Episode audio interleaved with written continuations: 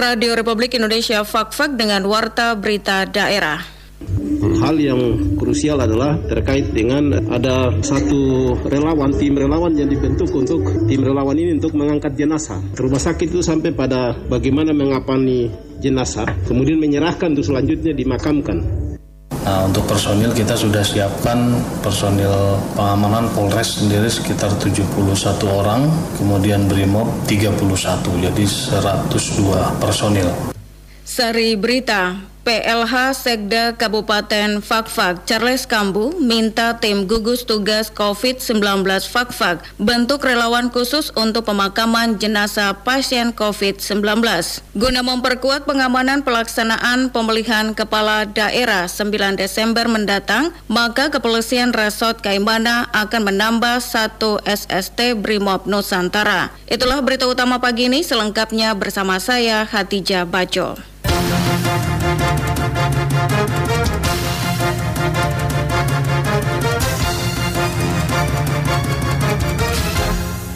Kami sampaikan berita pertama, PLH Sekda Kabupaten Fakfak Charles Kambu minta gugus tugas COVID-19 Fakfak bentuk relawan khusus untuk pemakaman jenazah pasien COVID-19. Pelaksana Harian PLH Sekda Kabupaten Fakfak Charles Kambu meminta gugus tugas Gustu COVID-19 Kabupaten Fakfak bentuk relawan khusus untuk pemakaman jenazah pasien COVID-19.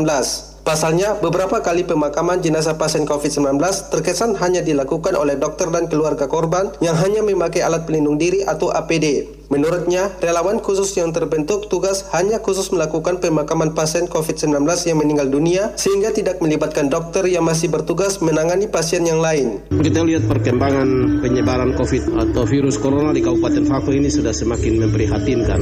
Walaupun pemerintah sudah sangat maksimal sehingga apa yang terjadi sekarang itu kita tidak bisa saling menuding antara pemerintah ataupun masyarakat, tapi kita sama-sama eh, rakyat membackup pemerintah supaya ini segera kita putus mata rantainya. Nah, salah satu yang sekarang terjadi pemerintah daerah kita melihat bahwa selama ini kan fak-fak itu ada positif, tapi orang meninggal tidak pernah. Nah, akhir-akhir ini kita jumlahnya sudah sudah hampir mencapai lima orang. Itu artinya eh, kondisi ini masyarakat Fakfak sudah harus disertai kegiatan tetap jalan, tapi kewaspadaan itu penting.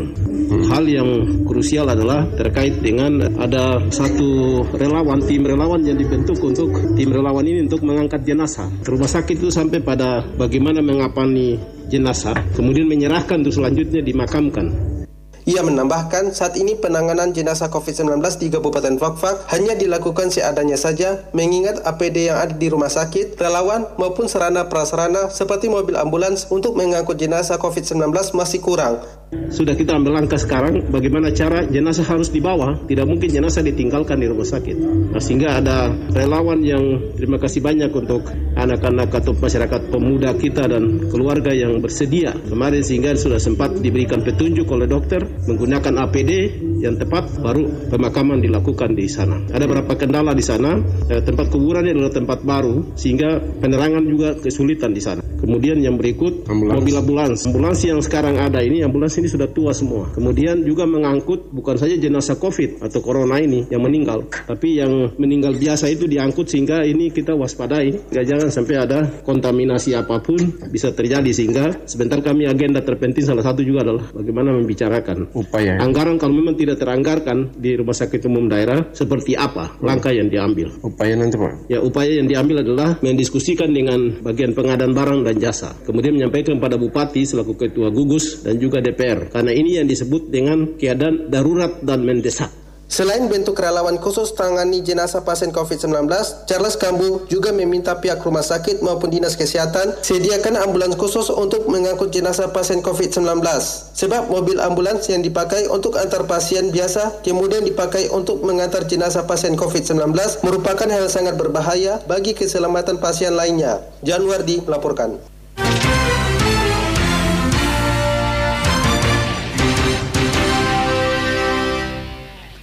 Pelaksana Harian Sekda Kabupaten Fakfak Charles Kambu mengingatkan kepada seluruh warga agar waspada sebab sesuai laporan gugus tugas COVID-19 saat ini di Kabupaten Fakfak memasuki masa transmisi lokal penyebaran COVID-19.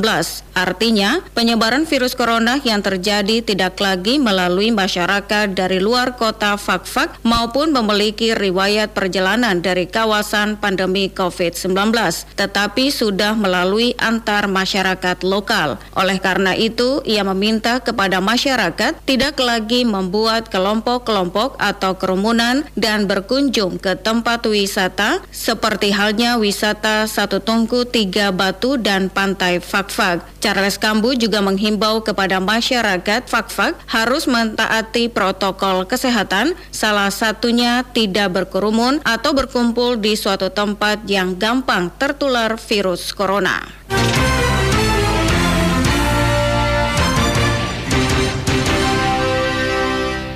Warta berita daerah ini disiarkan oleh Radio Republik Indonesia Fakfak guna memperkuat pengamanan pelaksanaan pemilihan kepala daerah 9 Desember mendatang, maka Kepolisian Resort Kaimana akan menambah satu SST Brimob Nusantara. Berikut laporannya. Demi menyukseskan pengamanan pemilihan kepala daerah serentak 2020, Polri telah dan sedang menggelar operasi Mantap Raja. Nantinya pelibatan personil dalam pengamanan setiap tahapan pilkada akan disesuaikan dengan kebutuhan setiap wilayah. Terkait dengan itu, untuk memberikan rasa aman dan nyaman kepada masyarakat pada pemilu kada 9 Desember mendatang, maka Kepolisian Resor Kaimana akan meminta penambahan personil BRIMOB. Kapolres Kaimana AKBP Iwan P. Manurung membenarkan hal tersebut. Dikatakan, penambahan personel BRIMOB dimaksud direncanakan sebanyak satu SST yang berasal dari BRIMOB Nusantara. Dijelaskan, Hal tersebut dilakukan guna memberikan rasa aman dan nyaman kepada masyarakat Kaimana ketika menyalurkan hak politiknya pada 9 Desember mendatang.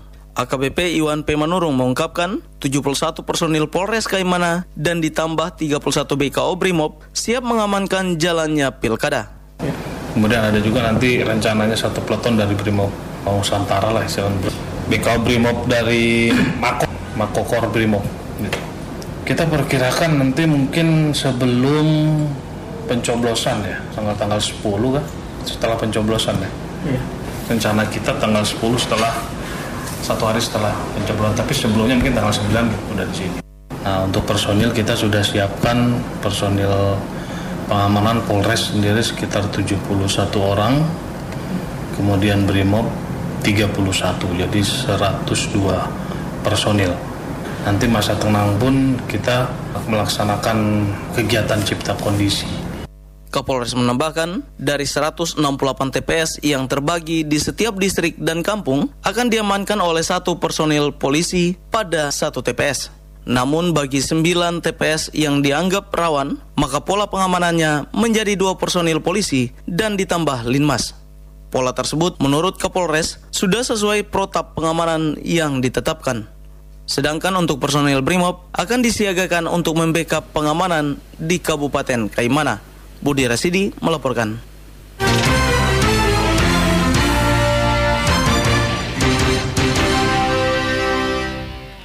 Pengolahan pupuk organik dari kotoran kambing yang dikembangkan oleh dua kelompok pekebunan pala di Kampung Werpigan dan Kelurahan Wagom Utara diharapkan mampu meningkatkan taraf hidup perekonomian masyarakat setempat. Kepala Bidang Perlindungan Tanaman pada Dinas Perkebunan Kabupaten Fakfak, Konstantinus Uswanas mengatakan, sejak tahun 2018 telah membina dan melakukan pendampingan pada kelompok pekebunan pala di dua kampung, yakni kelompok Kibas Kampung Werpigan dan kelompok Tomandin Kelurahan Wagom Utara. Dikatakan, dua kelompok dari satu kampung dan satu kelurahan yang ada di Kabupaten Fakfak tersebut merupakan dua kampung dari 150 kampung yang ada di seluruh wilayah Indonesia. Dipersiapkan oleh Kementerian Pertanian RI untuk mengikuti lomba desa pertanian organik. Dari hasil penilaian dari sisi pala, hmm. administrasi kelompok dan kesiapan-kesiapan di dua lokasi sangat baik. Terutama integrasi programnya satu petaninya ya, yang punya lahan pala. Kedua di antara lahan pala itu kita memfasilitasikan ternak kambing. Itu difasilitasikan oleh kementerian. Di situ kita bangun fasilitas mereka, kandang, rumah rumah mesin, yeah. rumah kompos. Hmm. Ini rumah kompos ini maksudnya hasil yang nanti dari kotoran kambing itu yeah. yang padat bukan dari urennya bukan. Yang padat itu kita tampung di rumah kompos. Itu dan satu tempat sekretariat kelompok. Nah itu yang sudah ada di dua kelompok ini. Nah dari sekian ya, kegiatan yang kita ini ada kerjasama dengan peternakan yaitu hmm. kambingnya. Tetapi di situ dari pertanian juga kita eh, sama-sama juga coba memfasilitasikan ada palawijanya. Hmm. jadi di sini kan ada sayur-sayuran. Hmm. nah, itu juga kita kembangkan di areal kelompok tersebut Sementara dari dua kelompok tersebut, jumlah masyarakat pengolah pupuk organik sebanyak 29 orang yang terdiri dari 14 orang berada di kelompok Kibas dan 15 orang di kelompok Tomandin. Sementara pada masing-masing kelompok pekebunan pala diberikan bantuan sebanyak 30 ekor kambing yang merupakan bantuan dari Dinas Perkebunan Kabupaten Fakfak yang menambahkan pupuk organik dari bahan kotoran kambing tersebut berfungsi bagi semua jenis tanaman, baik itu tanaman palawija, tanaman keras, tanaman perkebunan, maupun jenis tanaman lainnya.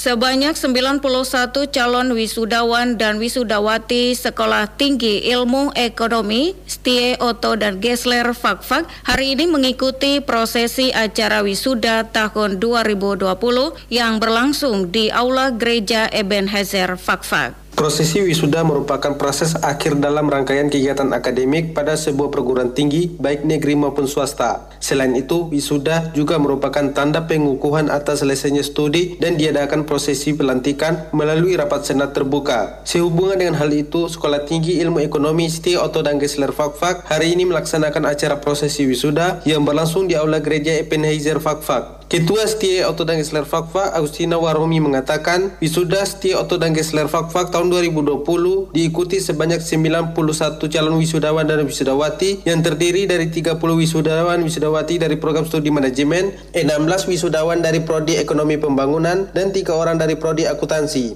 Dikatakan, para wisudawan dan wisudawati tersebut telah melalui beberapa tahapan mulai dari tahap perkuliahan, mengikuti ujian semester, KKN, ujian skripsi, hingga yudisium jumlah mahasiswa yang hendak diwisudakan berjumlah 91 orang. 72 orang ya. dari program studi manajemen, 16 orang dari program studi ekonomi pembangunan, tiga orang dari program studi akuntansi. Itu dalam hal sebelum ya para wisdan wisdawati sebagai mahasiswa Setioto dan Desa Fakfak dengan sesuai dengan Undang-Undang Republik Indonesia nomor 20 tahun 2003 tentang sistem pendidikan nasional dan juga mahasiswa itu telah dibekali ilmu selama empat tahun. Mereka menempuh kuliah baik secara tatap muka dengan dosen, kuliah daring maupun tugas-tugas yang diberikan oleh dosen dan mereka pun juga menghadapi ujian tes tengah semester, ujian akhir semester. Dengan telah dibekali gelar atau titel keserjanahan melalui acara wisuda kali ini, Ketua Sti Oto Dagesler Fakfak berharap ke depannya para wisudawan dan wisudawati dapat menerapkan bekal ilmu dan pengetahuan yang didapatkan selama di bangku perkuliahan pada dunia nyata sebagai bentuk pengabdiannya kepada masyarakat harapan mereka ke depan kami dari lembaga Sekolah Tinggi Ilmu Ekonomi Oto dan Gesler Fakfak kepada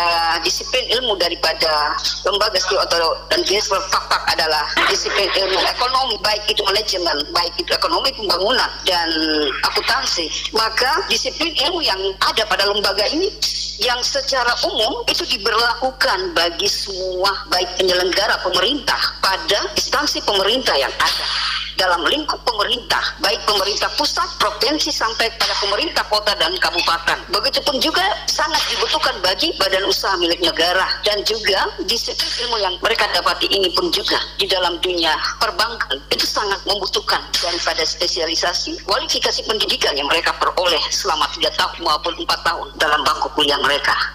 Sedangkan jalannya acara wisuda Setia dan Geslar Fakfak pada hari ini dihadiri langsung oleh Bupati Fakfak, Forkopinda, para muspida, pimpinan organisasi perangkat daerah, orang tua wisudawan dan wisudawati, serta Kepala Lembaga Layanan Pendidikan Tinggi Wilayah 14 Papua dan Papua Barat, Dr. Suryal Esmofu. Januardi melaporkan. Sekian warta berita daerah produksi Radio Republik Indonesia Fakfak.